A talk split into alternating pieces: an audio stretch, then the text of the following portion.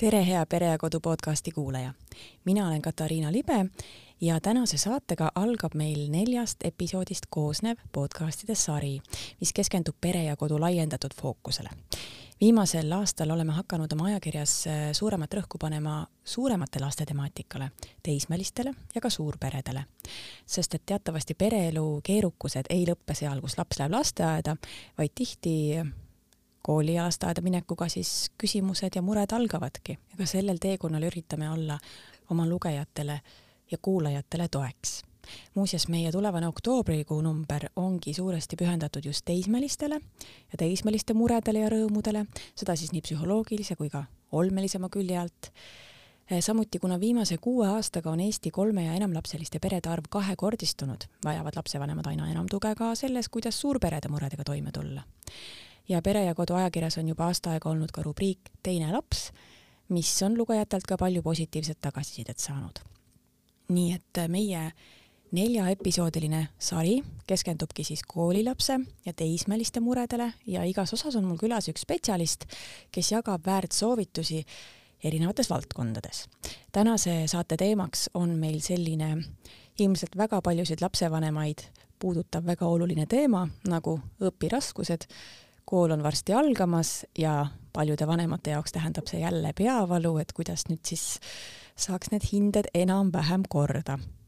ja täna on mulle külla tulnud Kuristiku gümnaasiumi eripedagoog Kai Mägi, et rääkida sellest, mis võib olla selle taga, kui lapsel ei lähe koolis nii hästi, kui loodetakse ja kuidas leida lahendusi. tere, Kai! tere! millised on siis tavalised põhjused selle taga, kui noorel tekivad õpiraskused? Õpiraskused tekivad väga erinevatel põhjustel ja üks ei välista teist. see tähendab, õpiraskused võivad tekkida sellest, et kodune keskkond, kus ta on, ei soodusta või äh, ei praktiseeri õpiharjumuste või õpivilumuste kujunemist. koduses keskkonnas on toimunud muutus, mis lapse jaoks on äh, olnud kas traumeeriv või häiriv see kodune keskkond on muutunud väljakannatamatuks. kindlasti on eelsoodumus pärilik, mis äh, kahjuks äh, soodustab niisugust äh, õpiraskust. kindlasti on õpiraskuste põhjuseks koolikohustuse mittetäitmine ehk siis tahtepingutus ja alamot-, alamotiveeritus õppetööd sooritada enda võimete kohaselt mm. -hmm. et ei viitsi põhimõtteliselt? lihtsalt öeldes, maakeeli öeldes, et ei viitsi, aga me kasutame terminoloogiat, et tahtepingutus on nõrk mm -hmm. või madal ja, ja, ja õpiraskused tekivad kindlasti ka tõesti sellest, et äh, ongi tegelik mingi, tegelikult mingisugune hariduslik erivajadus ja, ja seda siis, siis tuleb uurida Need on need peamised põhjused mm. -hmm. kui laps jõuab siis äh, sinu kabinetti äh, küsimusega või murega, et, et, et tal hinded on halvaks läinud, kas sa siis kõigepealt selgitad välja, milles see juurpõhjus on või? kindlasti, selles mõttes, et äh, esimese asjana ma selgitan tõesti välja, et, et äh, mil-, millistes õppeainetes see raskus on, millistes, oluline ka välja selgitada, mis tal hästi välja tuleb mm. -hmm. iga laps on milleski andekas samamoodi see laps, kes minu juurde tuleb kui see on selline ajutine, ehk siis on, kas on tõesti puudunud mingitel, kas siis tõesti sellel laiskuse põhjusel või siis on äh, tõesti kas haigeks jäänud või, või kodus on midagi toimunud ja juhtunud, siis ma aitan teha järelvastamisgraafiku ja siis äh, üldtoe raames konsultatsiooni aegadel laps käib siis järele vastamas. teine äärmus on siis see, et tõesti, et, et äh, on näha, et, et see mahajäämus on nii suur õppetööst et siis tuleb juba ka konsulteerida lapsevanemaga, et kuidas lapsevanem saab last toetada ja võib-olla siis äh, vajadusel pöörduda siis koolivälise õppenõustamiskeskuse ehk siis vanas mõistes Rajaleidja ehk siis Haridus- ja Noorteameti poole, et saada siis äh, hinnang sellele mm. -hmm. aga kui lapsevanem ei ole väga koostööaldis seda juhtub, aga siis on alati instantsid nimega lastekaitse mm. -hmm aga üldjuhul me üritame ikka äh, kooli sees need asjad ära ajada, et ähm, lapsevanem on ju päeva lõpuks oma lapse ekspert, tunneb oma last kõige paremini. nii et ma tahaks küll uskuda, et iga vanem seab oma lapse vajadused, eriti haridusliku õigusharidusele esikohale mm. -hmm mida tähendab hariduslik erivajadus ja kuidas seda välja selgitatakse? lihtsalt öeldes hariduslik erivajadus tähendab seda, et, et lapsel on õppimise, õppimises raskusi, ehk siis ta ei suuda eakaaslastega võrdselt oodatud õpitulemusi saavutada. hästi lihtsalt öeldes on see. Ja kuidas seda välja selgitada, selleks on siis tõesti see haridus- ja noor- äh,, noorteamet ehk siis vanas mõistes Rajaleidja, kes siis vastavat siis uuringut teeb, kool täidab individuaalse arengu jälgimise kaarti, kus siis annab omapoolse sisendi, seal on kõik aineõpetajad, kirjeldavad lapse tugevusi õppeainepõhiselt, kui ka siis äh, nii-öelda raskusi. sinna annab oma sisendi kas psühholoog või sotsiaalpedagoog või mõlemad ja omapoolsed soovitused anname ka kaasa, et millist tuge rakendada ja Rajaleidja üldjuhul rakendabki otsuse tegemisel kas äh, tõhustatud või eritoest mm. -hmm. Kas hariduslik erivajadus on midagi sellist, millest laps ei kasva välja? Äh, nii ja naa, selles mõttes, et, et oleneb hästi sellest, noh, milles see, see nii-öelda hariduslik erivajadus seisneb, et see oleneb hästi palju selle iseloomust, et ma olen hästi palju äh, poisslaste vanemaid lohutanud äh, selle aktiivsustähelepanu häire juures näiteks, et kui niisugune psühhiaatriline diagnoos tuleb, et kahekümne sajandi alguses tõenäoliselt oleks ka Oskar Lutsu, Joosep Toots saanud sellise diagnoosi ja päeva lõpuks oli ta kõige edukam. et, et selline diagnoos ei ole alati või niisugune hariduslik erivajadus ei ole niisugune tempel või sa ei käi sellega kaasas, et see ei ole ühelgi isikut tõendaval dokumendil kirjas, et, et selles mõttes muidugi on sellest võimalik nii-öelda välja kasvada mm. -hmm. või leida selles oma tugevused. just, see on kõige olulisem, igas, iga laps on milleski andekas ja võimekas, et äh, see ei, see ei ole nii-öelda määrav mm. -hmm. aga kas äh, nagu ülemäärane andekus on ka erivajadus ja kuidas siis seda väga andekat last aidata? Äh, seda on äh, loetletud erivajadusena jah, mingi hetk. Piire Sepp on seda hästi palju uurinud ja selle kohta on hästi palju toredat eestikeelset kirjandust Eh, andekat last on äh, selles mõttes nagu igat hariduslikku erivajadust tegelikult on üldhariduskooli niisuguses äh, suures mammutkoolis väga raske toetada, aga ma tahan uskuda, et, et iga kool teeb kõik äh, vastavalt kaasava hariduse põhimõtetele siiski oma võimalikku ja andeka lapse puhul noh, hästi oluline on kõigepealt jällegi välja selgitada, millest ta on andekas, kuidas see andekus väljendub, ehk siis, et kas ta teeb hästi kiiresti ära, kas ta kas ta ütleb ette teistele, et noh, mida ta teeb nagu selle andekusega, et kuidas ta seda nii-öelda kommunikeerib. Ja sellisel juhul on noh, tõesti variant teha lisamaterjale, et, et lisatööd. et oluline on ka arendada selle üliandeka lapse puhul ka niisuguseid sotsiaalseid oskusi, ehk siis rakendada ta kas siis abiõpetaja rolli, nii et, ta aitab neid, kes, kes võib-olla järele ei jõua sest abi küsimine ja abi pakkumine on üks väga oluline prosotsiaalne oskus, mida me kõik peame elu jooksul omandama ja, ja õppima omandama. Ja, ja oleneb, kui vana see laps on, et, et kui ta on ikkagi juba niisugune, niisugune põhikooli lõpuklassis või, või, või suisa niisugune gümnaasiumi vanu, vanuses noor, et, et siis saab ju suhelda ka erinevate nende kõrgkoolidega. et seal on kindlasti mingisuguseid kursuseid või, või programme, mida ta saab läbida, et, et see on hästi oluline jällegi koostöö erinevate instantsidega. nii et ma saan aru, et sellele tema andele tuleb leida nagu rakendus siis?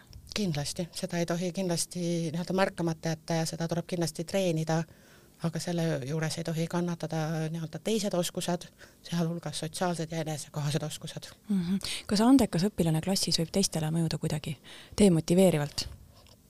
noh, kindlasti võib mõnele mõjuda, ega see pole üldse välistatud. iga laps on nii-öelda oma temperamendiga sündinud ja mõne jaoks see võib tõesti olla väga ebamugav või lausa häiriv ja, ja tõesti niisugust õpi, õpimotivatsiooni alandav mm. -hmm. siis teisipidi tuleb jälle aidata neid lapsi siis või toetada kuidagi?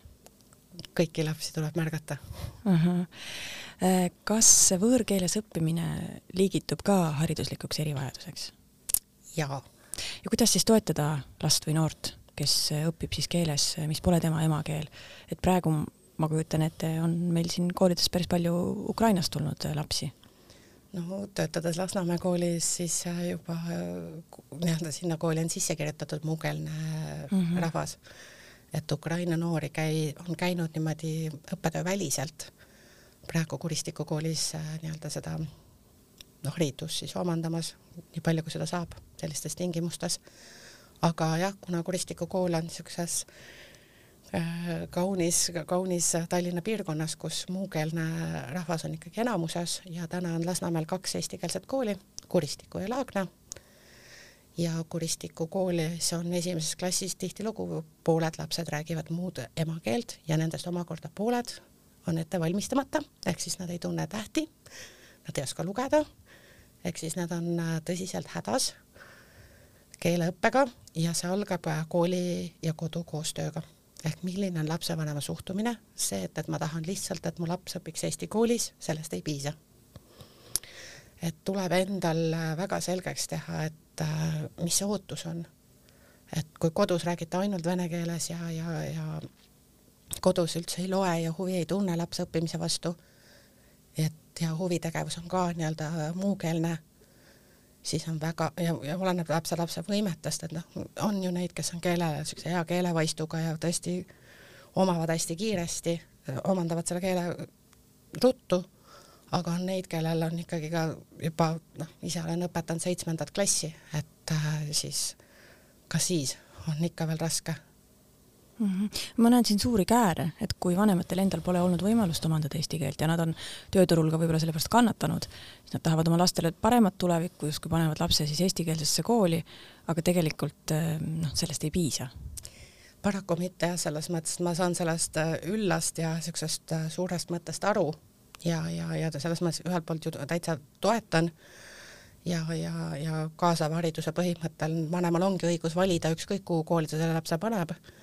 aga see mõttelaadi, noh, see on asi nagu suhtumises paljustki. et kui see suhtumine on selline, et, et ah, et, et kodus ikka kõik käib, disko käib oma kodukeeles ja et, et kool peab kõik ära tegema, et, et siis, siis, siis läheb keeruliseks lihtsalt mm. -hmm. et siis ei saa ootada, oodata või eeldada, et, et, et nüüd juhtuvad mingid imed, et, et seal ükski õpetaja ei tee imet selle lapsega mm. -hmm. aga kas siis oleks abi alusharidusest, et juba lasteaeda minna eestikeelsesse? muidugi mm. -hmm. et see oleks see lahendus siis, jah? kindlasti see oleks esimene hästi suur samm selle suunas, et, et, et ongi niimoodi, et nad on, kas ei ole lasteaias käinud või on, või on siis tõesti käinud ka siis täiesti oma kodukeelega lasteaias ja, ja ongi, nad tulevad kooli niimoodi, et nad ei tunne tähti, neid on päris palju mm. -hmm. aga kuidas siis ikkagi, kuidas sa toetad vene emakeelega lapsi? hakkame pihta keeleõppega piktogrammid appi, et, et pilt juurde ja siuksed äh, süsteemselt äh, siuksed tarbesõnad, väljendid, et äh, julgustada last leidma endale huvitegevus, kus ta siis saaks ka eesti keelt praktiseerida, julgustama teda suhtlema selles kooli kodukeelega, eks antud juhul eesti keeles. loomulikult nad leiavad üksteist ja nad suhtlevad omavahel ikkagi endale sobivalt emakeeles, aga ikka noh, niisugune jõustades ja julgustades, ega, ega vägisi ei saa mm. -hmm. aga kui me tuleme nüüd tagasi selle teema juurde, mida sa juba enne mainisid, ehk siis aktiivsuse tähelepanu häire ehk siis ATH, jutud käivad, et seda on väga palju noorte hulgas. kui palju sina seda oma töös näed siis? no ikka on jah kuidas, kuidas mõjutab õppimist? Väga märgiliselt mõjutab, sellepärast et see tähendab, et üldjuhul tähelepanu hajub väga kiiresti, ehk siis ei suuda keskenduda. see tähendab seda, et, et õppetöö tuleb ümber korraldada vastavalt selle lapse siis iseärasustele, üldiselt viisteist, kakskümmend minutit ja siis tuleb mingi paus teha, lühikesed konkreetsed juhised, üldiselt ka paluda tagasisidestada, et kuidas ta aru sai sellest, mis ta, mis korraldus talle anti hea, kui on need tihtlausega, need korraldused ja, ja seda on palju, jah. kas ATH-ga lapsed saavad tavaklassis hakkama? jaa aga siis on vaja tihtilugu seda, paraku ma ei ole mingisugune suur ravimipooldaja, aga ma olen, näen, kuidas need ravimid imet teevad lihtsalt mm. -hmm. et, et on, see oleneb hästi palju koolist, kui palju on võimalik nii-öelda moodustada niisuguseid temporühmasid, ehk siis nad äh, haridusliku erivajadusega lapsed õpivad nii-öelda, nii-öelda omas tempos, temporühmas. või on üldse niisugune eraldi nii-öelda õpiabigrupp, sama paralleelselt käib siis selle suure klassiga koos. aga, aga et jah, et suures klassis on see tähelepanu kiire hajuma mm. -hmm. ja seal on, ma kujutan ette, ka vaja väga palju vanematepoolset tuge ja abi. ja vanem peab esiteks teadvustama, et see asi on, et selline asi on olemas, see vajab teistmoodi lähenemist ja siis on võimalik seda last aidata, ega me ei pane last ühtegi õpiabirühma niimoodi vägisi, et, et loomulikult hea meelega nii-öelda paneks vägisi ette, et me näeme, et see aitab seda last, aga vanemaga koostöös käib see kõik mm. -hmm. ja ATH on ikkagi psühhiaatriline diagnoos, see tähendab seda, et vanem on ise ka avanud seda, et, et see diagnoos on, et sellega tuleb arvestada. Ja, ja aineõpetajatele me üldiselt diagnoosidest ei räägi, aga me anname suuniseid ja juhiseid, kuidas sellise lapsega õppetööd korraldada niimoodi, et, et mõlemad on nii-öelda rõõmsad. kas on ka neid lapsi, kellel silmaga peale vaadates tundub see diagnoos olevat, aga vanemad ei ole astunud seda sammu, et, et, et minna diagnoosi saama? ikka jah, selles mõttes, et, et kui sa näed, et ta ei suuda üle viieteistkümne, kui juba kümnendal, viieteistkümnendal minutil hakkab ikkagi niimoodi, et hakkab nihelema ja, ja sa näed, et, et igasugune kõrvaline heli või krabin on see, mis tema niisuguse keskendumise mujale viib et ja niisugune kehaline ehk siis ka motoorne rahutus, et, et see viitab ka väga selgelt sellele, aga noh, siis tulebki lapsevanema, lapsevanem kooli kutsuda ja kirjeldada seda last mm. -hmm. kas gümnaasiumi tasemeks on need lapsed või need noored suutnud kuidagi ise toime tulla selle aktiivsustähelepanu häirega, kas nad on äkki kuidagi ise leidnud mingisuguseid meetodeid, kuidas eh, oma õppimist lihtsustada või see päris nii ei ole? oleneb lapsest ja oleneb sellest ähm, nii-öelda kodust, et, et, et kindlasti on lapsi, kes äh, suudavad ka gümnaasiumisse õppima minna ja, ja sealt edasi ka nii-öelda ülikooli ja, või sealt ametikooli, et see nii oleneb lapsest endast, tema temperamendist, tema kodu sellest ähm, ootustest ja eeldustest, valmisolekust last toetama, et mm. -hmm. kui nüüd see ülikool juba tuli jutuks, kui palju sa näed, et vene emakeelega lapsed äh, kellest sa siis enne rääkisid, kes siis äh, tulevad sõnagi eesti keelt oskamata kooli, kui paljud neist jõuavad ülikooli? no üks lõpetas meil just kuldmedaliga gümnaasiumi, nii et selles ja tuli gümnaasiumisse väga vähe eesti keelt rääkides mm. Aga see tütarlaps oli nii motiveeritud ja mm -hmm. nii ta klassijuhataja kirjeldas, et ta on kümme aastat õpetajana töötanud ja kogu aeg klassi juhatanud, ütles, et, et sellist tüta-, niisugust noort naist, et ta ei ole kunagi kohanud. nii töökas, nii püüdlik see nii oleneb sellest äh, lapsest ja endast ja, ja ja tema enda nii-öelda ambitsioonidest tuleviku ees. et loomulikult lähevad, et, et üldiselt ikka need, kes gümnaasiumisse lähevad, et paljud lähevad ka edasi ülikooli ette mm. -hmm. et kui tahta, saab kõike? jah. tähendab, kui tahta ja pingutada? jah äh, räägime ka natuke autismist, et kuidas aidata autismispektri häirega lapsi või kui, kui palju sa neid näed üldse oma töös? no ikka neid on jah, selles mõttes, et äh, kaasav haridus ikkagi. aga noh, nendega on selles mõttes äh, sarnaselt see, et, et need juhendid peavad olema, peavad olema väga konkreetsed, lühikesed, piktogrammid aitavad, selline arvestada seda, et, et ta ei ole võib-olla kõige sotsiaalsem, et mitte teda suruda alati kohe kõiki rühmatöid tegema, et anda talle aega, ruumi et äh, tihtilugu autismispektri häire juures võib just esineda seda Asper-, Aspergeri sündroomi, ehk siis tegemist on üliandeka lapsega mingis valdkonnas, et seda siis treenida ja, ja toetada edasi. Aga noh, niimoodi väikeste sammudega, et autismispektri häire puhul see on ka nii, nii lai, et, et, et sealt ühest õiget valemit ei olegi, et see oleneb nii lapsest endast mm. -hmm. nii et igale lapsele tuleb ikkagi läheneda erinevalt, jah? no ikka tema individuaalsusest lähtuvalt, sellepärast nad on kõik väga erilised ja, ja, ja vajavad sedaviisi lähenemist samamoodi mm. -hmm. Räägime natuke ka düsleksiast ja düsgraafiast, kui palju seda esineb ja kui lihtne seda üldse on äh, tuvastada? no kõik esimesse klassi tulevad lapsed käivad läbi logopeedi juurest selles mõttes, et äh, meil on äh, hästi tubli tugimeeskond koolis, meil on, noh, see on ka seaduses kirjas, et nii peab olema lihtsalt üldhariduskoolis, et suures koolis võib-olla on see ses mõttes lihtsam, väikestesse koolidesse mõnikord on raskem neid saada või vastu, noh, oleneb jällegi vist piirkonnast. Aga jah, meil on olemas logopeed, meil on eripedagoog, kes küll toimetab valdavalt äh, esimeses kooliastmes, meil on äh, sotsiaalpedagoog, psühholoog ja tugiteenuste juht, kes on ka hariduselt psühholoog, ehk siis päeva lõpuks saab ka nii-öelda topelt psühholoogilist abi, aga jah, logopeed on see, kes need äh, esimeses klassis kõik lapsed nii-öelda hindab.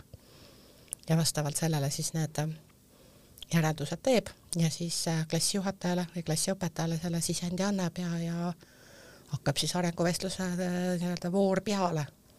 et kelle puhul on märgata, et, et on kas siis düsleksia või düsgraafia, et seda siis edasi uurida ja, ja vajadusel saada vastav diagnoos ja vastavalt sellele siis, siis toimetab äh, klassiõpetaja edasi nii et see avastatakse siis kohe esimeses klassis või kas on võimalik, et see jääb märkamata ja, ja hakkab alles hiljem ähm, nagu muret tegema? noh, on selliseid äh, üldjuhul ta tuleb ikka äh, suht kohe välja, et kui laps hakkab nii-öelda seda äh, keelt kui sellist, kui struktuuri õppima, et, et selliselt äh, süsteemsemalt õppima, et, et muidu on niisugune argikeel, aga niisugune grammatika tuleb juurde, et, et hääliku pikkused ja kõik need, kui ta hakkab teksti kirjutama päris ise, et siis tuleb ta üsna kiiresti välja. aga düsgraafiat kui sellist või düsleksiat võib esineda ka mingisuguse trauma korral.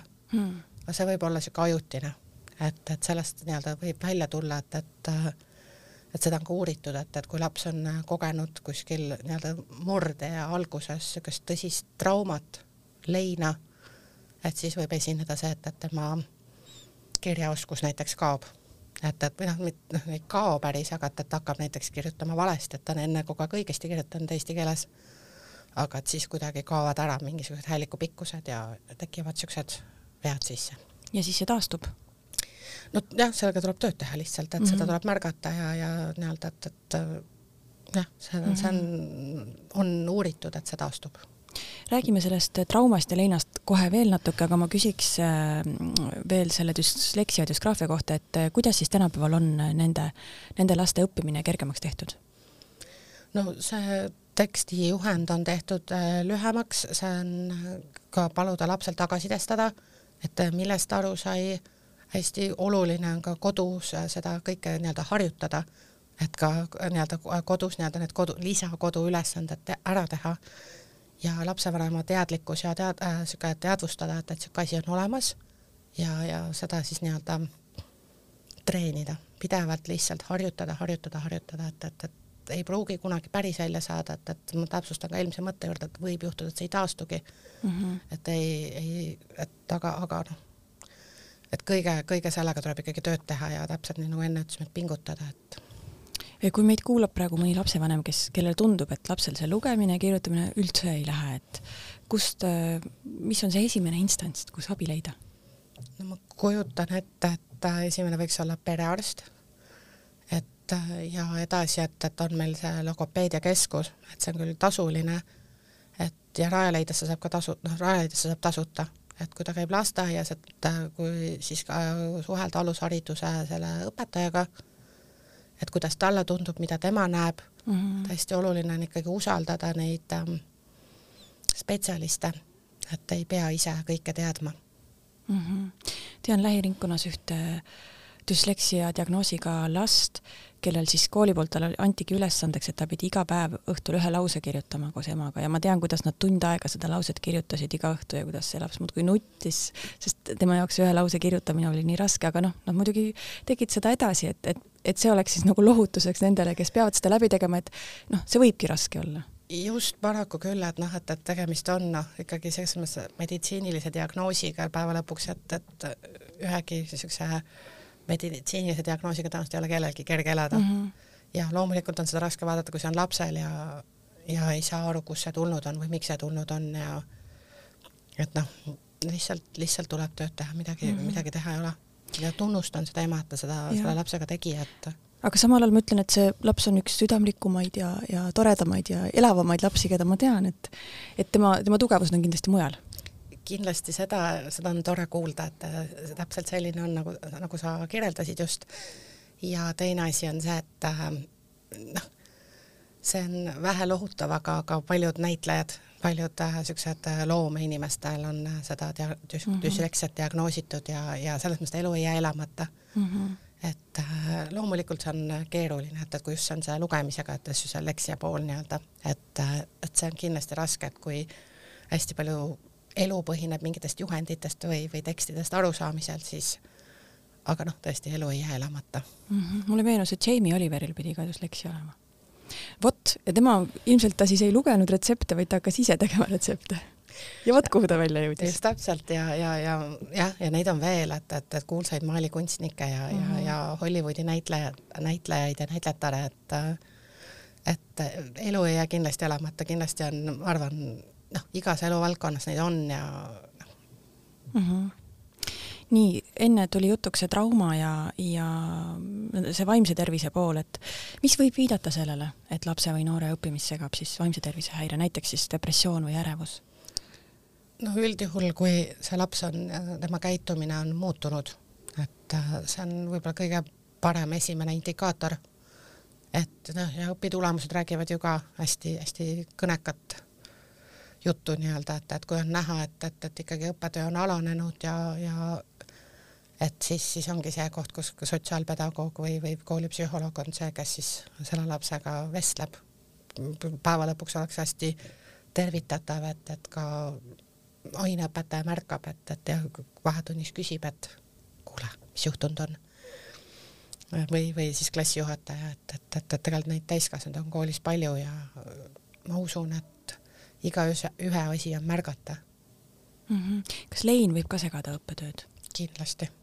lein mõjub väga, väga raskelt lapsele, sest et ta, tal ei ole veel emotsionaalselt seda ja kognitiivselt seda võimekust aru saada, mis juhtunud on tihtilugu et äh, ja see oleneb hästi, kes, kui lähedane, et äh, seal on nii palju tegureid ja, ja ta on niisugune nii-öelda elukaare etapiti erinev, et, et niisuguses väike laps, niisugune imik-maimik võib-olla ei saagi aru, aga niisugune juba, juba kainik või, või koolieelik, kooliealine laps, et, et niisugune, selline laps saab juba aru mm. -hmm. ja seal võivadki tekkida need, et, et need õpi, õpiraskused, sest et, et midagi on valesti ja see on see, kuidas kodus sellest räägitakse, et seda kommunikeeritakse, et mis edasi saab mm. -hmm. kui palju sa oled näinud, et noorte omavahelised suhted mõjutavad siis gümnaasiumi tasemel võib-olla õppetööd, et kui näiteks on, ma ei tea, keegi on kellegi maha jätnud, võib-olla sellest suurest südamevalust siis õppeedukus langeb noh, need esimesed armumised tulevad ikka varem kui gümnaasiumis, et äh, mul on kuuenda-seitsmenda klassi omadel selline äh, seebiooper. ja, jah, no nii tore, et nad räägivad mulle ka nendest, kes kellega käib kogu aeg, kes lahku läheb. aga ikka loomulikult igasugune selline noh, need su suhted muutuvadki oluliseks kuskil sellises äh, murdeeas ehk siis kaheteist, üheteist, kaheteist aastaselt. et toimub niisugune eemaldumine päritoluperekonnast ja, ja siis need referentgrupid ehk siis eakaaslastega suhete loomine muutub järjest olulisemaks. ja loomulikult käivad ka sinna siuksed äh, romantilised suhted sinna juurde ja loomulikult mõjutab see ühte noort kujunevat inimest mm. -hmm. kuidas vanem saaks toetada, kui ta näeb, et laps on just, ma ei tea, võib-olla maha jäetud ja väga kurb selle pärast? no vanemal on seda last väga raske toetada, juhul kui ei ole varem seda nii-öelda usaldussuhet tekitatud mm. -hmm. et see on see karm reaalsus, et see suhe, suhte loomine algab ikkagi selle ema üsas olemisega ja, ja selle siis selle järel lapse sünniga, et, et, et, et see on niisugune ütleme, niisugune pidev töö lapse jaoks olemas olla, teda kuulata, et, et sama on selle õppimisega, et, et, et õpiharjumuste tekitamisel, et, et kuidas koolist räägitakse, kuidas õpetajatest räägitakse, kuidas oma kooliaega meenutatakse, kuidas õppimisest, kuidas see üldse see suhtumine on ja et, et, et kas see on osa päevakavast, et et lapsed on tegelikult väga avatud, eriti sellised äh, esimese kooliastme ehk esimese kuni kolmanda klassi lapsed, et nad hea meelega räägivad et tuleb ainult küsida nende käest, et mis täna hästi läks, mis täna keeruline oli, mida sa täna juurde õppisid, et mm -hmm. tegelikult hea meelega räägivad, et, et kui iga päev võtta kasvõi see tund aega, algus, alustada kümnest minutist, et, et mis täna hästi läks, mis võib-olla ei läinud nii hästi, mis sa täna õppisid mm. -hmm. et niisugustest lihtsatest asjadest siis üks hetk tahab ise tulla rääkima.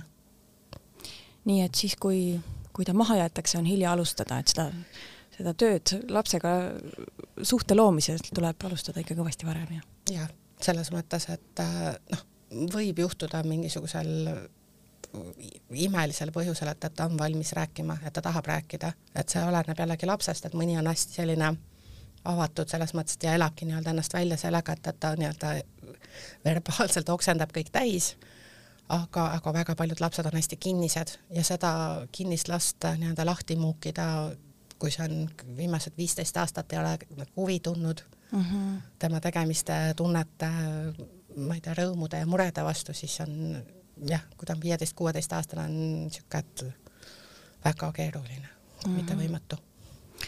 Äh, mis sa arvad, leina kohta öeldakse, eks ole, et, et ei, ei ole õige kõrvalt öelda, et, et see läheb mööda ja kõik saab korda, sest tegelikult see ei lähe mööda ja ei saa korda, et, et, et parem on öelda, et ma saan sinust aru ja ma, ma näen, et sul on raske, et ma olen sulle toeks. kas mahajätmise puhul on sama? et noh, selles mõttes, et kõik saab, kõik see läheb mööda, see pole oluline, et võib-olla, võib-olla see on nagu pisendav kindlasti on see pisendav ja see jällegi oleneb sellest noorest, et, et mis talle nii-öelda sobib öelda. et, et kuidas ta ise seda suhet kirjeldab ja, ja loomulikult, et sellises vanuses tunduvad need kõige suuremad armastused ja kõige õigemad ja et kindlasti ei tasu, ei tasu, ei tohigi pisendada seda mm -hmm. ja, ja, ja anda see nii-öelda leppida kokku, et, et, et kaua nii-öelda seda suhet leinata, siis võib-olla on mõistlik et, et täpselt, et teadvustada, et see oli väga oluline, see oli väga tähtis, see oli sulle niisugune noh, elu muutev kogemus, aga et, et mis veel? et, et mis veel, et, et okei okay,, et, et midagi on ju veel elul mm. -hmm. et, et kuigi tundub, et, et, et on nagu on kõik, kõik läbi. jaa. et see, see on oluline teadvustada, et, et see suhe ei saa mitte kunagi kõik olla mm, -hmm. et sina oled kõik ja see, see kaaslane on tore täiend sinna, aga et, et see, see kõik, et, et kui see üks päev ära kaob, mis iganes põhjusel, et siis, siis on ju jube jama, kui see kõik ära jalutab, et, et mm, -hmm. et siis tulebki kasvatada nii-öelda terveid noori inimesi, et, et nad saavad aru, et nemad on ise kõik mm. -hmm aga kui me räägime veel sellest depressioonist või leinast, et kas koolid pakuvad võimalust võtta õppepuhkust ka töös või? õppepuhkust kui sellist. või õppe, õppetööpuhkust? sellist äh, asja ei ole nagu õppetööpuhkus päris, et äh, lapsevanem saab võtta lapse koduõppele mm, -hmm. seda saab teha kaks korda aastas läbi õppenõukogu, aga siis peab ka lapsevanem täielikult vastutama lapse selliste õpitulemuste eest. Äh, kooliväline õppenõustamismeeskond teeb ka tegelikult koduõppe nii-öelda otsuseid, aga seda hästi-hästi tõsistel tervislikel põhjustel üldiselt, et et, et mul on üks selline juhtum olnud, kus, kus õpilane oli kõigepealt selle tol hetkel Rajaleidja otsusega koduõppel ja, ja, ja me seal küll pusisime igasuguseid variante, et me pidime talle leidma siis kaheksaks tunniks nädalas niisuguse ko koju õpetaja, aga kodu ei olnud väga koostööaldis tol hetkel mm, -hmm. et kuidagi üldse ei teadvustanud ja mina sain selle juhtumi äh, oma esimesel sügisel, et nägin, et see varem pakutud abi üldse ei tööta ja ma kutsusin vanemad kooli. Et seal on hästi niisugune tõsine koduvägivalla case taga, et, et, et kus isa oli kodust ära ja vahepeal ja, ja, ja kui tuli, siis korraldas niisugust kräud ja mürglit, et, et mida siis äh, noor, no haavatavas vanuses tütarlaps pidi pealt nägema ja tolleks hetkeks tüdruk oli siis jäänud klassikursust kordama, kaheksandat klassi sel hetkel ja mina seadsin fookusesse just selle, et selgitame välja ikkagi, mis see, mis see, mis see auku kukkumise, mis seal taga on. Ja, ja, ja kuna ma olen esimese haridusega sotsiaaltöötaja, siis niisugune äh, uudishimu on niisugune, niisugune mõnes mõttes kutsehaigus, et mul oli vaja kõik välja selgitada, kõik vaja teada saada. kaasasin lastekaitse üks hetk, kui ma nägin, et pere koostööd ei tee, see oli siis detsembris. aga enne jah, et äh, sain teada temal on vaimse tervise diagnoos ja, ja, ja siis hakkasid mingid pusletükid nii-öelda kokku minema. Ja lõpuks tuligi välja, et jaanuaris me käisime lastekaitsega koos kodukülastusel. Ja tüdruk oli hakanud rääkima, et, et tal oli kombeks, et ei räägi kellegagi, peitis ennast enda tuka taha kogu aeg ära. Ja, ja siis oligi, et, et see diagnoos sai nii-öelda avalikuks, ema avalik, väga avameelselt rääkis nendest asjadest. Ja siis ma leidsin, et aga, aga miks me punnime siin äh, üldhariduskoolis, et, et selliseid tingimusi on väga raske talle luua, pea võimatu, vabandust, ja et äh, et, et sellise diagnoosi jaoks on eraldi kool ja ei ole üldse kodust kaugel. ja, ja rääkisin Rajaleidjaga ja Rajaleidjaga koostöös pikad telefonikõned, kirjavahetused, et see otsus sai muudetud, et, et, et see koduõpe sai nii-öelda maha võetud, see ja ta sai siis vastava otsuse, nii et, et ta läks endale siis sobivasse nii-öelda koolikeskkonda et ma käisin isegi seal kaasas seal õppenõustamisel, kus ta siis äh, sai selle positiivse otsuse, et ta sinna kooli vastu võeti. ja ema tuli, ma mäletan veel augusti lõpus tuli raamatuid tooma kooli tagasi ja, ja kaardi ja, ja kommikarbiga, et, et, et, et kommikarbiga rõbistasid teised sisse, teised lapsed, lapsed mul, aga, aga aga kaart on mul kodus stendi peal ja, ja siiamaani mõtlen, et vähemalt see esimene töövõit, et mm. -hmm. kuidas tal praegu läheb seal, kas sa tead? no tal on raske, aga selles mõttes, et, et ta õpib selle, selle, selle diagnoosiga elama ja, ja, ja keskenduma nendele võimetele, mis tal on, et, et, et see kool õnneks toetab neid andeid, et ma tahaks uskuda, et ma ei ole nüüd lastekaitselt uurinud, lastekaitse läks ära ka sealt piirkonnast. et ta on ikkagi põhikooli tänaseks lõpetanud mm. -hmm. kas see koduvägivald sai kuidagi lahendatud? ei tea. seda kahjuks ei, äh, mina, ma sinna ei ja, saa. see ei kuulu sinu pädevusse noh, seal on jah, nii ja naa, ma ei tohi teada selles mõttes mm -hmm. nii mhm. palju selle kohta, et, et või noh, see ei ole minu koht noh, nõustada, et ma, see on mu nii-öelda eelmine elu, et, et riskipere sotsiaaltöö või et mm, -hmm. et, et, et kooli sotsiaalpedagoog üldiselt äh, tegeleb valdavalt ikkagi laste ja just sellise sotsiaalsete oskuste, selle pedagoogilise poolega, et, et äh, et äh, kui on näha loomulikult, et, et äh, sul tuleb lapsevanem, et äh, sinise silmaga või laps tuleb kehavigastusega kooli, siis loomulikult on instantsid, mida ma kaasan ja et siis on see minu case küll jah mm. -hmm. aga kui ma ei näe mingeid füüsilisi tunnuseid, et siis, siis ma ei sekku. kas sa oled oma töös näinud siis lastevastast koduvägivalda? jah. Mm, ja siis on lastekaitse? siis on koolipolitsei ah. ja nemad kaasavad lastekaitse mm. -hmm et kõigepealt äh, kooli tervishoiutöötaja fikseerib need äh, fotodega ja siis äh, mina, minu kõne kohe kooli piirkonna politseile ja siis, siis toimetavad nemad sealt siis nii-öelda edasi mm. -hmm. ilmselt ka see mõjutab lapse õppimist väga palju absoluutselt, ma ei väsi kordamast, et, et me kõik tuleme oma kodust, ehk siis et, et, et nagu mulle kolleegile meeldib öelda, et töö on tellija materjalist ja, ja, ja laps on kodupeegel, et, et kõik need klišeed, aga et, täiesti tõsi, et paraku nii on, et, et see saab alguse sealt, kust ta tuleb. ja siis me hakkame siis selle, selle materjaliga nii-öelda selle väikse inimesega tööle mm. -hmm natukene helgemate teemadega nüüd edasi, ma ei tea, kui niivõrd-kuivõrd, aga kui palju nutisõltuvus mõjutab laste õppeedukust tänapäeval?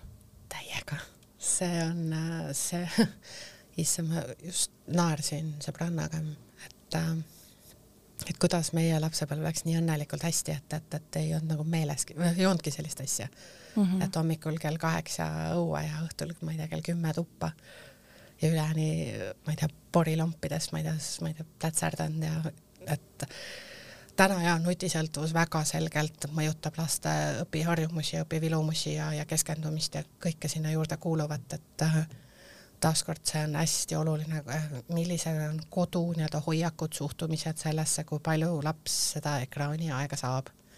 et psühhiaatrid ütlevad ähm, täna niimoodi, et, et lapse vanus korda kümme minutit ehk siis ütleme kaheksa-aastane laps ja korda kümme ehk siis kaheksakümmend minutit on niisugune normaalne, kui palju selline, sellises vanuses laps võiks olla ühe ekraani taga. me räägime siis suuresti telefonist või siis sellest tahvlist või mõnel juhul ka arvutist et, et, et ka paljud asjad, mängud on ikkagi veel seal, mis on lapsele kättesaadavad ja mida ta seal teeb. lapsevanem, palun, lapsevanemad, palun jälgige, mida nad teevad, kellega nad suhtlevad, alla kolmeteistaastasel ei tohi olla ei Snapchati, Tiktoki, Facebooki äh,, Instagrami, et äh, et see on noh, et ja kui palju see aeg on, et kas see on piiratud, et, et, et mis need alternatiivsed tegevused lapsele välja mõeldud on et, et, et ta ei nii-öelda ei sulgeks ennast sinna maailma ära, sest et see, mis seal toimub, noh, see on nii, et nad ei anna tihti endale aru, et, et, et see, see, see, see story või see, see, see pilt, et see räägib rohkem kui tuhat sõna mm. -hmm. ja see ka, sa, võib saata neid väga pikka aega mm. -hmm nii, aga räägime nüüd äh, lastest, äh, kellel ei ole mingit äh, hariduslikku erivajadust, aga lihtsalt õppeedukus niiviisi näiteks gümnaasiumi tasemel põhikooli lõpus on hakanud niimoodi alla minema ja vanemad on nagu nõutud, et noh, näiteks võib-olla sõbrad hakkavad muutuma olulisemaks kui kool. eks nad muutuvadki, see on tegelikult pigem normaalne ja, ja isegi ootuspärane, aga nüüd ongi tähtis, et nii-öelda väärtused ja hoiakud, et mis me kodust kaasa anname, et, et eks nad kõik käivad korra nii-öelda või hetke kodust ära, aga nad julgevad alati tagasi tulla, kui see usalduslik suhe on omavahel loodud või julgevad helistada ja öelda, et kuule, et nüüd on ilge jama. et kas sa saad mulle appi tulla, palun. aga noh, gümnaasiumiga on, üldhariduskooli gümnaasiumiga on ses mõttes ähm, noh, niisugune, see on vabatahtlik mm. -hmm. et, et kahjuks äh, ma olen üsna veendunud, et ega väga gümnaasium ei hoia mm -hmm., niisugune üldhariduskooli gümnaasium et kui on näha, et, et see, see tahtepingutus on madal, loomulikult klassijuhataja ja kas sotsiaalpedagoog või koolipsühholoog räägib lapsega või noorega, et mis on juhtunud, mis toimub, et, et kas sa vajad abi, tuge, et, et mis, mis, mis on. ja tihtilugu nad üldjuhul, kui, kui nad abi tahavad, siis nad ka ikkagi üldiselt äh, ka abi küsivad. ja siis on võimalik seda noort aidata. kui nüüd on tegemist teismelisega, kes on kooli kohustlane ja, ja kes võib-olla, et seal jällegi, et, et see on koostöö erinevate nii-öelda osapooltega, et mis, mis siis on, et, et ja et mis need, mis need siis need nii-öelda, nii-öelda need sütikud on või et mis viivad siis, ole, mitteõppimislainele, et, et, et täpselt palju ta seal telefonis elab, mida, kellega ta suhtleb, palju ta suhtleb, mis teemadel ta suhtleb, mis teda huvitab, kas ta kuskil huvitegevuses käib, et et uuringud ka näitavad seda, et, et laps, kes ikka tegeleb süsteemselt äh, ja sihipäraselt mingisuguse huvitegevusega, on see siis füüsiline aktiivsus, on see mingisugune nii-öelda loomering, et need ikkagi on õpilase õpimotivatsiooni ka toetavad mm. -hmm. et miks on hästi-hästi lausa ma ütleks hädavajalik, et lapsel on mingisugune kooliväline huvitegevus, et see ei, see ei tähenda, et iga päev peab olema triikis täis mingisugust, ma ei tea, et, et küll klaver, küll kunstikool, küll sportlik, ma ei tea, a la võrkpalli või korvpallitrenn, et, et, et, et loomulikult hea, kui on võimalus proovida ja, ja katsetada, et aga, aga, aga kooli juures on meil palju huvitegevusi ja, ja kindlasti on kohalikke omavalitsusi, kus on huvitegevuse nii-öelda mingisugune toetus, et, et neid võimalusi kindlasti uurida mm. -hmm. et aga sellise lapsega, et oluline temaga suhelda, et aru saada, et, et kus see, miks see nüüd äkki on tekkinud, et kui seda tõesti enne ei ole olnud mm. -hmm. huvitegevuse kohta tahtsin öelda, et siis jääb vähem ka aega nutinduse jaoks. jah, ja muid lollusi teha. aga kas sa oled oma töös näinud ka mm, noori, kes, kellel võib-olla pole võimeid, eeldusi ja ka soovi gümnaasiumis õppida, aga, aga vanematel on ettekujutus, et nad siiski peavad gümnaasiumi lõpetama? ikka on jah, aga, aga noh, see on noh, kahjuks on nii, et noh, eks seal käib ka niisuguse õppe, õppeprotsessi juurde ka arenguvestlus, et see on klassijuhataja siis ähm, võib-olla väga oluline oskus või, või siis küsibki minu abi, et, et me peegeldada seda mm. -hmm. et, et, et kuidas lapsel siis tegelikult ikkagi see õppimine läheb ja, ja, ja, ja noh, ja kuna suurem osa gümnaasiumiga on ikkagi laps veel vabariigi seaduse järgi laps, et siis, siis on ikkagi see instants, et, et, et siis kaasame lastekaitse kui nii-öelda klassijuhataja, sotsiaalpedagoogi, õppejuhi, noh, jumala eest, direktori mingisugused äh, sisendid ei ole piisavalt siuksed kõnekad või kaalukad lapsevanema jaoks mm. -hmm. et ja kõik ei pea gümnaasiumis õppima, selles mõttes see romantism, et et kõik peavad minema kohe gümnaasiumisse, et, et jumala eest kutsekooli mm. -hmm. oled sa näinud seda, et mõni laps, kes noor, kes gümnaasiumis väga hästi hakkama ei saa, leiab hoopis sellise eriala, mis teda väga huvitab kutsekoolis ja, ja siis, siis tal tuleb see õpihimu. ja, ja et neid on küll, kes on meil, kellel on jäänud nii-öelda see gümnaasium poolikuks ja on läinud ikkagi kutsekooli edasi mm. -hmm. ja, ja, ja on väga ilusti nii-öelda ennast, ennast ja enda, enda nii-öelda võimeid avastanud ja leidnud, et et meil on ka tegelikult kutsenõustamine, et, et üheksandas klassis saavad kõik õpilased kutsenõustamist, saavad ka kaheteistkümnendikud. et, et kui ikkagi on näha, et, et noh, üks asi on need hinded ja värk äh,, värk, aga et see, et, et julgustada edasi õppima ja just, et leida siis kutsekoolis see oma väljund ja täna on ikkagi see, ma arvan, see valik ikkagi väga palju värvikam ja, ja mitmekesisem, kui võib-olla mina põhikooli lõpetasin, et mm. -hmm et vist ainuke variant pärast põhikooli, mis oli niisugune tundus nagu tüdrukutel oli küünetehnika mm. -hmm. Jah, mul tuli kohe isegi Räpina meelde näiteks, et seal on ju väga rikkalik valik erinevaid äh, võimalusi, mida õppida. ja Räpina ja, ja, ja, ja Luua näiteks mm -hmm. ja, ja Vana-Vigalas on ja, ja neid, neid kohti on tegelikult, et, et üle Eestimaa, et, et ma tahan uskuda, et see asi läheb veel rohkem nii-öelda heas mõttes õide, et et päeva lõpuks on ju seal nii-öelda kutse kõrval ka võimalik teha riigieksamid mm. -hmm. Ja, ja pärast minna ülikooli, et, et, et ma mäletan üks kakskümmend aastat tagasi ma pidin kuskilt põhjendama, miks kutsekool on parem mingisuguse projekti või programmi raames. ja siis ma ütlesin sellised laused ja ma usun neid tänaseni, et et see, kes läheb kutsekooli, et, et sa arvad, et sa astud sammu tagasi, aga see inimene, kes lõpetab gümnaasiumi, siis see, kes kutsekooli lõpetab, ta on juba temast kaks sammu ees mm -hmm. ehk siis ta on juba saanud mingi ameti selgeks ja, ja, ja tal on põhimõtteliselt sama diplom taskus mm. -hmm aga kui lapsel ikkagi on tahe õppida, aga mingi aine lihtsalt on läinud keeruliseks, matemaatika näiteks, füüsika, keemia, või on lisandunud mingi aine, mis on nagu, ei ole konti mööda, et eh, kas siis ka sotsiaalpedagoog pakub nagu tuge? no sotsiaalpedagoog pakub ikka kogu aeg tuge jah, et aga, aga noh, selle reaalained keeruliseks läinud, et seda vist juhtub palju? seda juhtub tõesti palju ja ma ikka, ikka vahel tahavad, et ma annaks neile matemaatikat, ma ütlesin, ei tea, ma ei ole väga usaldusväärne selles, et äh, kuskilt viiend, viies klass on niisugune lagi vist õpetamise mõttes mm. -hmm. et ma olen saanud seda ka õnneks kahjuks praktiseerida ja siis mõtlen, oi, võib-olla peaksid pinginaabrit usaldama, mitte mind. aga Eh, see on jah, siin on oluline loomulikult, et ega kui uued õppeained tulevad, täpselt need keemiad ja füüsikad, et, et, et ähm, noh, kõik on päeva lõpuks ju õpitav, et selles mõttes oleneb hästi palju suhtumisest, aga noh, üldtoe raames on ikkagi konsultatsioon, et õpetajaga ikkagi aineõpetajaga suhelda, et julgustada seda abi küsima ja seda abi ka vastu võtma, selles mõttes valmis olema, ise peab ikkagi huvi tundma mm, -hmm. et, et mhm. ega kahjuks keegi kulbiga päris seda, seda reaktsiooni, reaktsioonivõrrandit pähe ei pane või, või neid ma ei tea, elektrivoolu mingisuguseid valemeid või asju, et, et või seda loogikat, mis sinna juurde käib, et et noh, paraku jah, et, et ise peab huvi tundma ja noh, täna on õnneks ka äh, tekkinud neid niisuguseid äh, ähm, õpiabisid või niisuguseid abiõpetaja niisuguseid äh, gruppe, et on mingi metronaut ja siis on veel mingisugused sellised äh, instantsid nii-öelda, et, et kus on siis äh, koolis töötavad pedagoogid, kes siis ka siis töövälisel ajal pakuvad siis mingisuguse lisaraha teenimise eesmärgil siis abi. et äh, ma tean, et äh, üks mõte, mida ma ise võib-olla prooviks nii-öelda läbi viia, et, et on ka see, et, et gümnaasiumiõpilastest et, et ma tean, me oleme natuke rakendanud seda, et, et just keeleõppe mõttes, et et just see gümnaasiumiõpilane aitaks siis seda põhikooliealist mm. -hmm.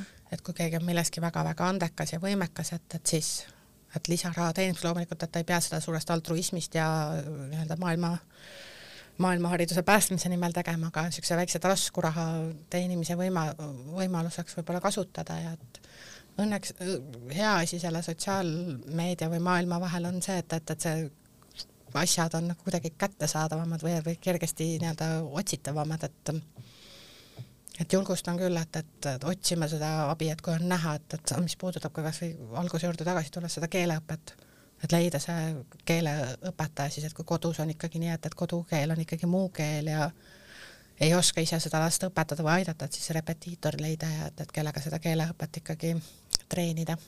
sama siis ka siis nende reaalainetega, et leida see inimene siis väljaspool kooli, kui tundub, et tõesti, et oma õpetaja räägib nagu ma ei tea, hiina keelt seal klassi ees, et et siis otsida seda kõrvalist abi, et üldhariduskoolil kahjuks ei ole neid ressursse, et, et niimoodi aidata ja toetada võib-olla või mis on alati lapse või lapsevanema ootus mm. -hmm. nii et niisuguseid järeleaitamistunde ei ole? noh, konsultatsiooni ajal siis sa pead ikkagi väga selge mm -hmm. nii-öelda küsimusega tulema, et, et ei ole päris nii, et, et, et, et palun nüüd äh, see kordusetendus sellele eel, eelmisele tunnile nii-öelda, et, et mm. -hmm. mina tunnistan, meil käis äh, väikse, väikse lisatasu eest käis äh, kodus üks ähm, abiõpetaja lapsele matemaatikat äh, natukene kordamas, sest ma ise tundsin lihtsalt, et ma ei, ma kuidagi ei suuda, ma ei oska, ma ei ole õpetaja, ma, ma lähen närvi et.... minul käis ka, mul käis endal äh, ma vahetasin kooli pärast viiendat, ma läksin äh, uude kooli ja, ja siis noh, matemaatika ei olnud kunagi minu sõber, siiamaani ei ole ja ma olin ka nii võimekas, et viiendas ma tegin mingeid oma trikke ja tükke, mida tavaliselt teevad kuskil seitsmenda, kaheksanda klassi omad ja siis äh, ma jäin matemaatikas suvetööle. ja ma läksin uude kooli ja siis kuidagi no ikka nagu vaevaline, kuidagi vaevu kolm, siuke väga nutu, nutt kogu aeg kurgus, et, et ja siuksed tehti meil kaks gruppi, et, et tugevad ja nõrgad, noh ilmselgelt nõrgem asja seal kuskil väga põhjas ja tegelesin kõrvaliste asjadega, poisid olid väga põnevad seal selles vanuses just. Ja nad olid väga vaimukad minu meelest. Ja siis äh, põhikooli, aga põhikoolis on ju matemaatikaeksam kohustuslik ja siis mu ema oli mingi ja siis leidis mulle, mina ei tea, kust ta selle naisterahva leidis, ma arvan, see oli mingisugune mingi neljakümne kanti naisterahvas, vene naine. Ja tema õpetas ja mina ei tea, kuidas ta nii kannatlik oli minuga, sest et noh, alustame ikka viiendast onju, seda matemaatika tegemist ja tegin ja tegin ja tegin ja siis põhikooli lõpueksami hommikul ema viis mind kooli ja siis ütleb mulle, et vaata, et sa siis läbi ei kuku. no thanks mm.. ja ma sain nelja, mul jäi mm. kaks punkti viiest puudu mm -hmm. ja mu pinginaaber oli jube solvunud mm. -hmm. et mis mõttes, et ta on nõrgas rühmas ja siis niimoodi, et ma mäletan, ma otsisin selle naise hiljem üles, et ma viisin talle vist lilli ja ma ei tea, šokolaadi ja ma ei tea, mida ma talle kõike vist, kõik päiketähed, kuud tuua sealt maa kosmosest alla, et et jah, et seda muutis kuidagi selle asja arusaadavaks tol hetkel, aga noh, gümnaasium läks jälle oma teed nii-öelda, et, et sihuke vaevu mhm. kolm, et et matemaatika on küll minu kirstunael ja et, et, et ma julgustan küll, et, et leida see kõrvaline abi, et kui sa näed, et et see, see, see ei tule kuidagi üldse. Et selle düsgraafia ja düsleksia juures on tegelikult niisugune asi nagu düskalkuul ja noh, ma arvan, et päris düskalkuulik ei ole, aga, aga niisugune, et, et numbrite tajumine, et, et võib mõnel ka olla väga-väga keeruline, et seda diagnostitaks muidugi hästi vähe mm et eks see, see abiõpetaja tähendab muidugi lisaressursse, aga ilmselt see on ikkagi seda väärt. ja et ma julgustan küll, et, et leid noh, kõigil on ju tuttavaid või, või, või pereliikmeid või noh, et, et noh mm. -hmm. mõni et, tuttav noor tudeng äkki või, või? no just, et, et, et see ei pea olema ülikooli professor ja mõnikord on see tudeng või, või isegi või see gümnaasiumiõpilane mm -hmm. isegi, et võib-olla parem õpetaja kui see ülikooli professor, sest ülikooli professor räägib ikka nagu ma ei tea, teadust, eks seal selle õpilasega, et aga mm -hmm. see mhm. õpilane või, võib-olla suudab rääkida just sihuke sealt äh, lapse, lapsest lähtuvalt ja ta mäletab võib-olla seda, et, et kus need äh, nii-öelda mittemõistmise kohad võivad tekkida kiiremini. Et, äh, et seda jah, absoluutselt, et ma mõtlen, see Facebook on nii avatud ja ma mõtlen või mis iganes sotsiaalmeedia platvorm, et, et ähm, et tõesti, et noh, tuttavaid kindlasti on kellelgi keegi kedagi, kes teab kedagi, et, et äh, mina julgustan küll, et, et see ei ole üldse häbiasi, see on pigem, see ma räägin, see on sotsiaalne või sihuke prosotsiaalne oskus, et abi küsida ja abi vastu võtta, et see on nii oluline, et mm -hmm. räägime ikkagi selle lapse tulevikust, et jah, ja tihti võib olla selle õppeedukuse languse või selle, selle taga, et aine muutub keerulisemaks õpetaja vahetus, sest mäletan oma kooliajast, et mõni õpetaja kohe oskas õpetada ja mõni õpetaja mitte nii hästi Eh, ma arvan, et, et ei os-, asi ei ole, et, et õpetaja ei oska või äh, oskab või ei oska õpetada, ikka inimeste vahel on niisugune mingi omavaheline keemia. ja, ja, ja, ja, ja kindlasti on, oleneb vanusest, et millal see õpetaja vahetub, et kui ta vahetub kuskil niisuguses murdeeas, et siis ikka meil on, mäletan ise kooliajast, et ikka on kombeks ikkagi mingisuguseid äh, õpetajaid nende proovile panna mm. -hmm. et, et, et lihtsalt sellepärast, et, et ta on uus, et, et see, see et pigem on enda suhtumises hästi palju kinni, et ma mäletan küll, et ma läksin kooli, koolist koju emale, jaa, see õpetaja tegi nii või ütles naa no.. mu ema väga pikalt ei lasknud mul niimoodi rändida nii-öelda, et, et ta ei, ikka ütles mulle, et kuule, mis sa ise tegid, et räägi sellest parem mulle. ja siis üheksakümmend kaheksa koma seitsmel protsendil juhtudes juhtus nii, et ma olin ise midagi korraldanud enne, et, et oma mingisuguste silmapööritustega või, või niisuguse mm -hmm nii-öelda kõrvalise tegevusega viisin oma mõtted hajevile, et, et, et noh, küllap aitab see, et, et mu vanaema ja vanaisa mõlemad olid pedagoogid, nii et, et, et meil kodus ei olnud nagu varianti, et õpetajat eh, kiruda. ja ise nüüd näen ka, et, et lapsed küll ütlevad, et aa, et see tee nii, no ma ütlesin, okei okay. Nii, aga ta on inimene, alustame sellest mm. -hmm. et mida sina tegid, loomulikult, et mingisugused õpikäsitlused ja need on muutunud ja et mingeid asju kindlasti matemaatikat võib-olla annab täna lihtsamini selgitada, ma ei tea, et, et see ongi ma üritan ise mõista ja teda nagu kerida tagasi, et kas oli siis nii keeruline, et, et, et kui mõni ütleb, et aa, et nii raske on mingi asi, siis ma üritan nagu tagasi mõelda, et, et panna ennast sellesse olukorda, et kui mina olin nende vanune, et kas oli tõesti nii keeruline mingisugune, ma ei tea, no matemaatika oli, aga noh, mõtle, ma tegelesin ka teiste asjadega. ja ma mm, -hmm. see, see keemia seal õpetajaga, see, see omavaheline läbisaamine ei olnud jah, väga-väga soe ma mäletan kooliajast selliseid õpetajaid, kelle tunnis ei julgenud keegi iitsetadagi ja neid, neid õpetajaid muidugi siis väga ei armastatud, aga siis seejuures, kuna sa ei julgenud seal tunnis noh, ennast liigutadagi, siis oli see aine väga hästi selge. Mul oli füüsikaõpetaja selline, et äh, tema oli niisugune küll, et, et, et see oli, meenutas niisugust ülikooli loengut, et, et, et hiir ka ei liikunud, mitte miski nagu tuul ka ei käinud, mitte midagi ei toimunud seal et tolm püsis väga selgelt aknalaua peal paksult, et, et ja kõik ja kogu aeg käis konspekti kirjutamine, kogu aeg pidevalt. ja, ja ta andis veel, ma mäletan, et kontrolltööks nii-öelda küsimused ette, et seda, et iga noh, kõik küsimused tulevad kontrolltöösse siit, midagi juurde ei, nii-öelda ei tekita, aga sa pidid kogu aeg kohal olema nii-öelda, sa pidid kogu aeg kuulama teda mm. -hmm. ja, ja tema oli selles mõttes hästi selline hästi lugupeetud tegelane, et, et, et, et see oleneb, noh, eks see ongi see karisma ja, ja kõik, et, et noh, mul on endal kooliajast ja ikka küsimusi, et miks mõni läheb õpetajaks, et kas ta läheb oma ego toitma või ta läheb ikkagi selle eesmärgiga, et, et enda laste jaoks nii-öelda midagi edasi ja tagasi anda nii-öelda mm. -hmm. et äh, noh, see on see, et õpetaja on läbi kukkunud näitlejat, et kas on see lõputu performance selle ees või see on see, selle performance'i juures on see, et, et see nii-öelda publik on siis kaasatud, et, et et ma tahaks uskuda, et ikkagi enamus töötavad selle üllama eesmärgi nimel, et meil on tublimad, õnnelikumad, rõõmsamad nii-öelda tuleviku täiskasvanud mm. -hmm. või vähemalt jäävad kooli need.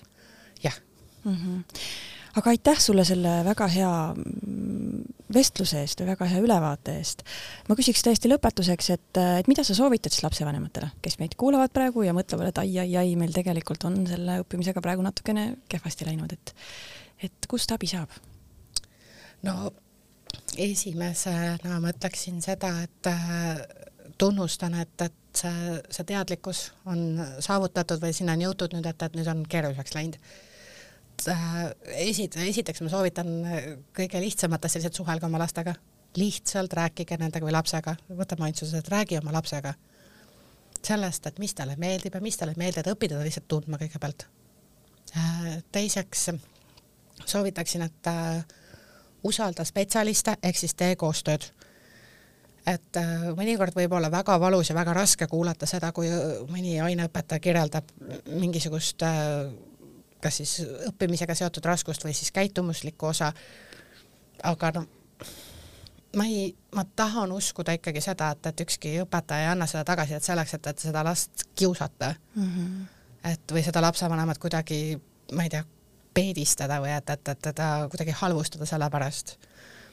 et, et kuna enne katsime väga palju seda, et õpiraskused või need asjad tulevad nii seinast seina põhjustest, et, et, et see, seal ei ole sellist, et, et seotud otseselt sellega, et lapsevanem ei tegele või ei märka või ei saa aru, et, et, et, et saab küll ja et ja kool ikkagi usaldab ja usub seda, et lapsevanem on oma lapse ekspert, ehk siis tunneb oma last kõige paremini, aga et hariduslikus teemas usaldada. ja, ja vastavalt sellele siis edasi toimetada. Et, et kas minna siis Rajaleidesse või siis minna siis mingitele uuringutele, et, et või, või lihtsalt mõnikord vajabki täpselt on mingisuguse mingi vaimse tervise teemad, et, et Tallinnas on Tallinna Perekeskus, mis pakub täiesti tasuta psühholoogilist nõustamist Tallinna pere, peredele ja lastele, et, et, et saviteraapiat ja et ja selle jaoks ei ole vaja mingisugust lastekaitse kaasatust, et sellest piisab lihtsalt ühest kõnest ja, ja, ja küll natuke kannatlikkust, et aega saada, aga, aga selles mõttes need ülihead spetsialistid, ülikogenud, et et, et otsida seda abi ja julgeda seda abi vastu võtta, et ei ole niisugust ületamatut asja, ma arvan, et, et see juba teadlikuks saamisest on juba see, et niisugune hea võimalus edasi minna mm. -hmm. hästi, aitäh, Kai! Aitäh! aitäh, armas kuulaja, et sa meid ära kuulasid ja nagu ikka, järgmine saade on meil üleval nädala pärast